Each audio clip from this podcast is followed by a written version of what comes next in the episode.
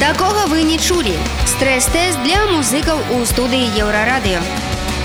Усім прывітання гэта жывы эфір Еўрарадыё Маша Калеснікава пры мікрафоне. І музычная рубрыка такога вы не чулі натуральна. Сёння мой гость гэта Ігар GameGate з Санкт-Пецярбургу. І ён прадставіць проект васьмібітнай музыкі. Праект называецца GameGate таксама. Да, здрасте. вы зразумелі ўсё, што я вам кажу Что? так э, тогда перехо- перехожу на русский язык что такое восьмибитная музыка давайте начнем с этого потому что я думаю что не все слушатели еврорадио это знают. Так, начнем, начнем, с того, что, наверное, нет такого вообще понятия восьмибитного, восьмибитной музыки. Это, скорее всего, ну, я так думаю, по крайней мере, э, что восьмибитная, э, 8 бит — это графика вообще, с помощью которой... Вот. а, это данная музыка, которой занимаюсь, это я делаю музыку вот на данных штуках, это называется Game Boy. Вот это раз Game Boy, два Game Boy, Мгм. три Game Boy, вот на них всех я что-то делаю. И, собственно, внутри этих Game Boy ев есть э, специальные картриджи, в которых э, есть формы волн, э, с помощью которых воспроизводится то, что я ввожу в программу, а через э, программу передает на чипы. Я не знаю, ну то есть Мгм. на самом То есть деле Ну, это вы программируете сначала на компьютере, а потом нет, здесь все, переносите? здесь А, уже даже так. да, здесь сразу же все. То есть это вообще на, на- самом деле геймбой 89 года выпуска, DMG 01, самый первый, кирпич называется в народе. Вот, и, собственно, эта музыка называется чиптюн. То есть, не, ну, как бы 8 бит это такое более обширное понятие, а так вот это чиптюн, музыка чипов, то есть с помощью чипов делается. А вот я читала в пресс-релизе, который мне прислали, да, что а, вы начали делать подобную музыку еще в 2010 году, Мгм. живя в Екатеринбурге, но вынуждены были уехать из родного города, поскольку такая музыка была не всем интересна. А, То есть все-таки Екатеринбург это по-прежнему столица рока и Рэпа. и рэпа, и никуда от этого не деться. да. Да, ну, это, как сказать... Екатеринбург очень многогранный город в плане музыки, но есть, э, конечно, такие вещи, которые для всех. А есть музыка, которая, ну, наверное, в определенный период была вообще непонятной. Нет, она есть э, люди, которые ценят, э, но их там очень мало, но при этом как-то я не знаю, ну, на широкие уши такую музыку сложно вы- вывести. Но я думаю, это вообще проблема любой э, необычной музыки. Мгм. что будет все равно мало слушателей, как бы ты не, не старался ее популяризировать. Ну да, ну как сказать, я думаю, что все может и по-другому сложиться, потому что я видел такие изменения в музыке, которые, ну как бы я даже сам не ожидал, и думаю, что и с чиптюном может произойти то же самое. Мгм. Но вы переехали в, Питер, и, так я, и там, я так понимаю, больше слушателей.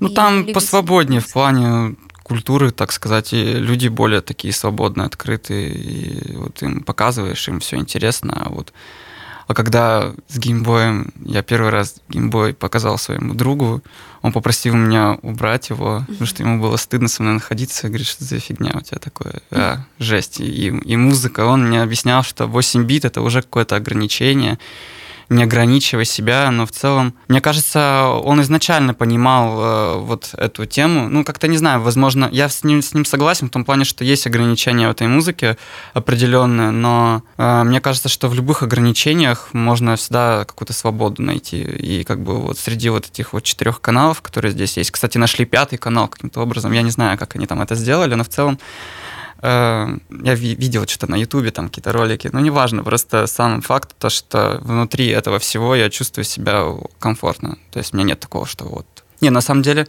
стали приходить такие вещи, что вот второй бы геймбой, вот если я на одном геймбое могу трек, часть трека написать, и часть трека на втором. Получается, четыре тут канала, четыре там, и уже как бы инструментов больше, и можно богаче звук делать гораздо. Ну а нет желания э, подключить э, к ним еще и живые инструменты? Или вы с этим Есть. экспериментируете? Я недавно слышал человека, который играл 8-битную музыку под скрипку. Меня очень сильно вдохновило, на самом деле. Я что-то даже подумал. Вообще, на самом деле, я шел по улице как-то в Петербурге и также делал музыку. Просто я на самом деле хожу вот по Питеру, допустим, в наушниках, как бы делаю треки ну свои. Ну да, очень удобно. Да, и ко мне подбежал человек, спрашивает, что это у тебя такое в руке. Я ему рассказал, показал. Он говорит, а я вот барабанщик, уже много-много лет э, ищу для себя что-то новое. Давай попробуем. И я, кстати, такой, да, я хочу с барабанами это совместить. Очень крутая идея. Вообще с, с живыми э, это, это куда более шире звук, конечно, само собой. Mm-hmm. Ну и взаимо какая-то вот энергетика более будет сильная, мне кажется.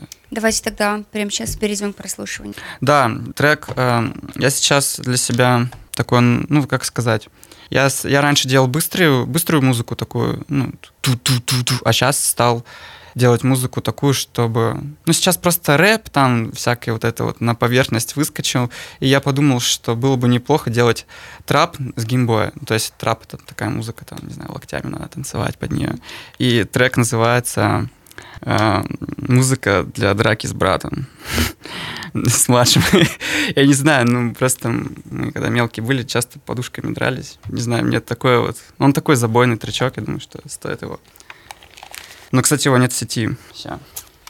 Такого вы не чулі геймгейт санкт-петербургу проект який зараз ви і пачуеце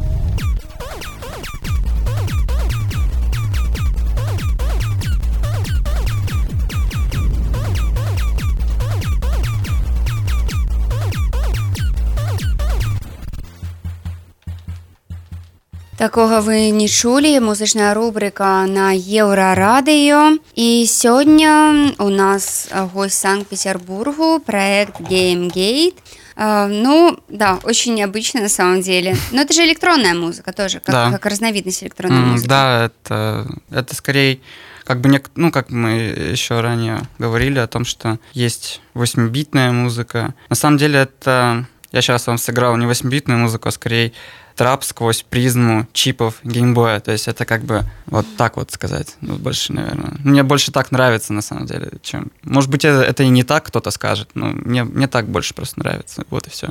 А много людей в мире занимается чем-то подобным? Ну, в России нет, и в Беларуси нет, но в других странах конечно, для этой культуры, ну, как-то больше, чаще что-то делают. Ну, России, например, уже редко что-то делают. Здесь, раньше у вас были здесь достаточно, как я понял, ну, здесь человек местный, вот кто занимался этим, он рассказывал, что здесь даже по 300, там, по 400 человек. Нет, ну, 400, наверное, он преувеличил, но я думаю, 300 человек могло быть, наверное. Да и в Москве было такое, что даже людей некоторых не пускали. Ну, что пришлось народ на улице оставить. Ну, я думаю, что да, достаточно. Просто есть люди, которые это афишируют, есть, которые для себя купили там вот этот вот геймбой, картридж специальный, и все, и делают там где-то себе в стол. Ну, это как и, как и любой музыкой, как бы, в принципе. Ну, вообще, направление это развито где-то, ну, в Японии хорошо. Э, ну, я замечал, что есть какие-то определенные представители, их очень мало, и они всю эту нишу, так скажем, заняли, и новичков очень редко, как бы я вижу в афишах на подобные угу. вечеринки. А вы часто даете концерты вот с этим проектом? А, ну так, хотелось бы чаще, ну достаточно часто для вообще для, ну по сравнению с другими, например, исполнителями, кто делает такую музыку. Угу. А кто ваш слушатель, зритель? Кто танцует под эту музыку? Взрослые дети, то есть заметил, что детям стала нравиться такая музыка подрастающему поколению. Они как-то вот, вот в таком стиле, вот то, что они как-то вот прямо в Москве на мой концерт пришел девятилетний пацан с братом. Но потом а, он в следующий раз пришел не с братом, брат не смог, пришел с мамой. То есть как-то было очень... Меня очень впечатлило его вот это вот то, что он так сильно заряжен этим всем. Он даже пришел на входе и говорит, поставь мне печать там на лице, там везде, короче, его всего печатями и ставили, он там угорал не меньше других людей. Мне кажется, он угорал больше всех, но были взрослые люди, которые, возможно, даже бы были с ним наравне. Не знаю, ну, есть там 40-летние дядьки, у нас есть в России одному челу, ему 38 лет, он всей этой музыкой занимается очень давно и в какой-то степени стал сейчас для себя заниматься, до этого для него это было очень важно. Вот. Новых имен практически сейчас нет, остались только алдовые. Вот. Но я думаю, что будет, будет приход еще новых людей. Но в любом случае такая музыка не приносит, наверное, денег. Иногда бывает тысячу рублей. Нет, на самом деле, бывает, мож, можно, можно все это делать так, чтобы монетизировать. Для этого нужен мерч. Ну, там, концерты, если ты сам себе делаешь концерт, вход какой-то платный, то, в принципе, можно заработать какие-то небольшие деньги. Но это, этого мало, например, там есть там всякие поп-звезды, которые там... Ну, понятно, как и везде, в принципе. Да, ну, ну, я заметил, заметил, что есть шансы с этой музыкой хорошо двигаться, просто еще пока ну, хочется делать какой-то крутой мерч, там, диски, кассеты, футболки, кучу там, чтобы это было доступно для каждого. И, наверное, на начальном этапе вообще бы хотелось, чтобы это практически просто, ну, как было как бы доступно легко. Ваши другие проекты, они похожи на этот проект? Или это что-то кардинально противоположное? Я бы скорее сказал, что э, я чувствую, ну, как бы сказать, не только я, но еще другие люди чувствуют мой почерк, а, но это другие, э, это другое вообще понимание. Ну, другие эмоции в музыке и другие атмосферы. Здесь атмосферы таковой... Нет, она здесь есть, это все так игровая тематика, это, ну, это все понятно по названию, а вот там что-то уже более такое глубокое. 26 числа вы в Минске играете концерт. Да. Ваш первый концерт в Беларуси. Да. Вот, и я немножко переживаю. ну, мы сделали его на неделю, сделали его с бесплатным входом, чтобы каждый мог проникнуться данной культурой. Вот. Но если меня сейчас, я могу, да, там Да, конечно. Можете брать своих, так же, как тот девятилетний пацан, своих э, родителей или братьев старших и приходить. Ну, я думаю, будет интересно. Во всяком случае, не знаю, ну, просто приходите. Я все у любым выпадку вельмі цікава паглядзець на музыку які карыстаецца не музычнымі інструментамі а вось такімі прыкольнымі мабільнымі тэлефонамі і а, як яны яшчэ называюцца так у прыстаўкамі і Боже вось гэтая гульня. Я забылася як яна таксама з кнопкамі тетрис так і у тетрис а, і пры гэтым пры ўсім выдаваць яшчэ і музыку і яшчэ можна патанчыць. Так што 26 чэрвеня ў прасторы Окей 16 адбудзецца канцэрт геймгейту у Сент-Петербургу прычыню Беларусі збіраецеся Ну а вам спасибо большое что вы к нам за, зашлі угу. вот. А, все да. А, я могу напоследок что-нибудь сыграть? Конечно. А, Так, у меня... В... Если недолго. Не, недолго, я просто хочу продемонстрировать другую сторону данного звучания. Давайте. Это больше, наверное, Дэнди такое было, а сейчас будет, сейчас будет Сега. ну, это для, э, для людей, для, ну, для понимания, для общего. Кто-то же, большинство людей играло в Сегу. Я же не буду говорить, что тут, тут эфемный синтез, там субтрактивный. Так вот. Ща.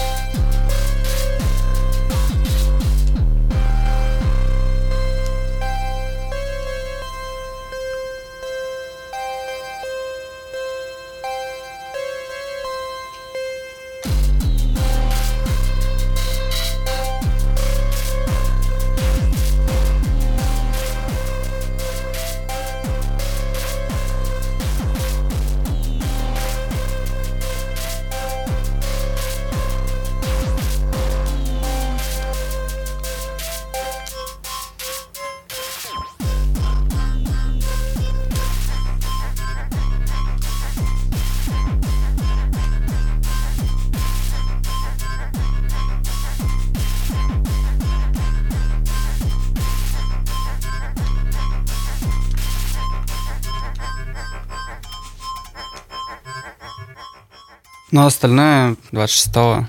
Так, ок, 16 на канцэрце. Дзякуй вялікі. Нагадаю, што гэта музычная рубрыка такога вы не чулі і праект GameGate Санкт-Петербург. Такога вы не чулі. Стрэс-тэст для музыкаў у студыі Еўрарадыё.